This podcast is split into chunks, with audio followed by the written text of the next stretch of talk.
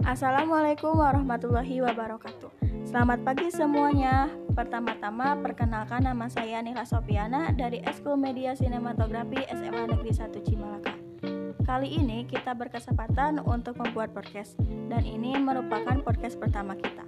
Di podcast ini kita akan memperkenalkan terlebih dahulu apa sih media sinematografi itu dan hari ini saya bersama narasumber sekaligus ketua Eskul Media Sinematografi. Baik, selamat pagi Kang. Pagi. Sebelumnya, Akang boleh perkenalkan diri terlebih dahulu. Oke, Assalamualaikum warahmatullahi wabarakatuh. Perkenalkan, nama saya Febria Bagus Saputra. Di Ekskul Media Sinematografi, saya menjabat sebagai ketua. Oke, baik Kang Febria.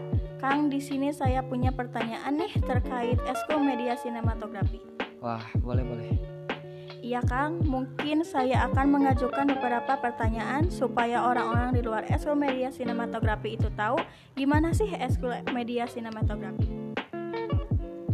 Nah, langsung saja kita masuk ke pertanyaan yang pertama. Gimana sih Kang sejarah terbentuknya media? Bisa dijelaskan secara singkatnya? Oke baik, jadi untuk sejarah terbentuknya media itu dimulai dari ekskul yang bernama Madinggi Masaka yang kemudian berubah nama menjadi media sinematografi setelah pergantian kepala sekolah kita yaitu Bapak Dr. Andes Haji Yosep Raharja MMPD. Nah, bahan nama dan perombakan bidang tidak sama sekali merubah atau menghilangkan bentuk asalnya dari Madinggi Masaka. Dan dengan adanya perubahan tersebut, media sinematografi memiliki dua divisi baru yaitu divisi sinematografi dan divisi broadcasting. Sehingga saat ini tuh kita mempunyai tiga divisi yaitu divisi sinematografi, broadcasting, dan juga mading. Wah, ternyata cukup panjang juga ya sejarahnya. Terus Kang, kenapa dinamakan media sinematografi? Nah, untuk penamaan ini dulunya itu setelah pergantian Bapak Kepala Sekolah, beliau tuh ingin yang dulunya Ekskul Madinggi Masaka bukan hanya berpacu ke dalam bentuk media tulis aja, tapi dalam media elektronik juga, seperti membuat film atau juga wawancara, tapi tanpa menghilangkan madingnya gitu. Oh, gitu ya Kang. Lanjut ke pertanyaan selanjutnya. Kan tadi dijelaskan di sejarah kalau saat ini tuh media sinematografi punya tiga divisi. Nah, boleh dijelaskan secara singkatnya gak sih tugas-tugasnya itu apa aja?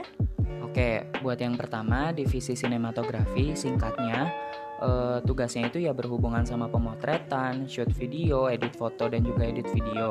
Nah, untuk divisi broadcasting lebih ke penyiaran, wawancara, dan pengaturan media sosial. Terakhir buat divisi mading, sesuai dengan namanya divisi ini berfokus dalam pembuatan majalah dinding. Wah, SU Media cocok nih buat yang suka fotografi, edit foto, video, sama seni. Oh tentu, karena emang media itu menyediakan tempat untuk orang-orang yang suka fotografi, edit foto video, seni, sama penyiaran dan wawancara gitu. Oke Kang, ini pertanyaan terakhir. Eskul Media Sinematografi pasti punya dong deret prestasinya?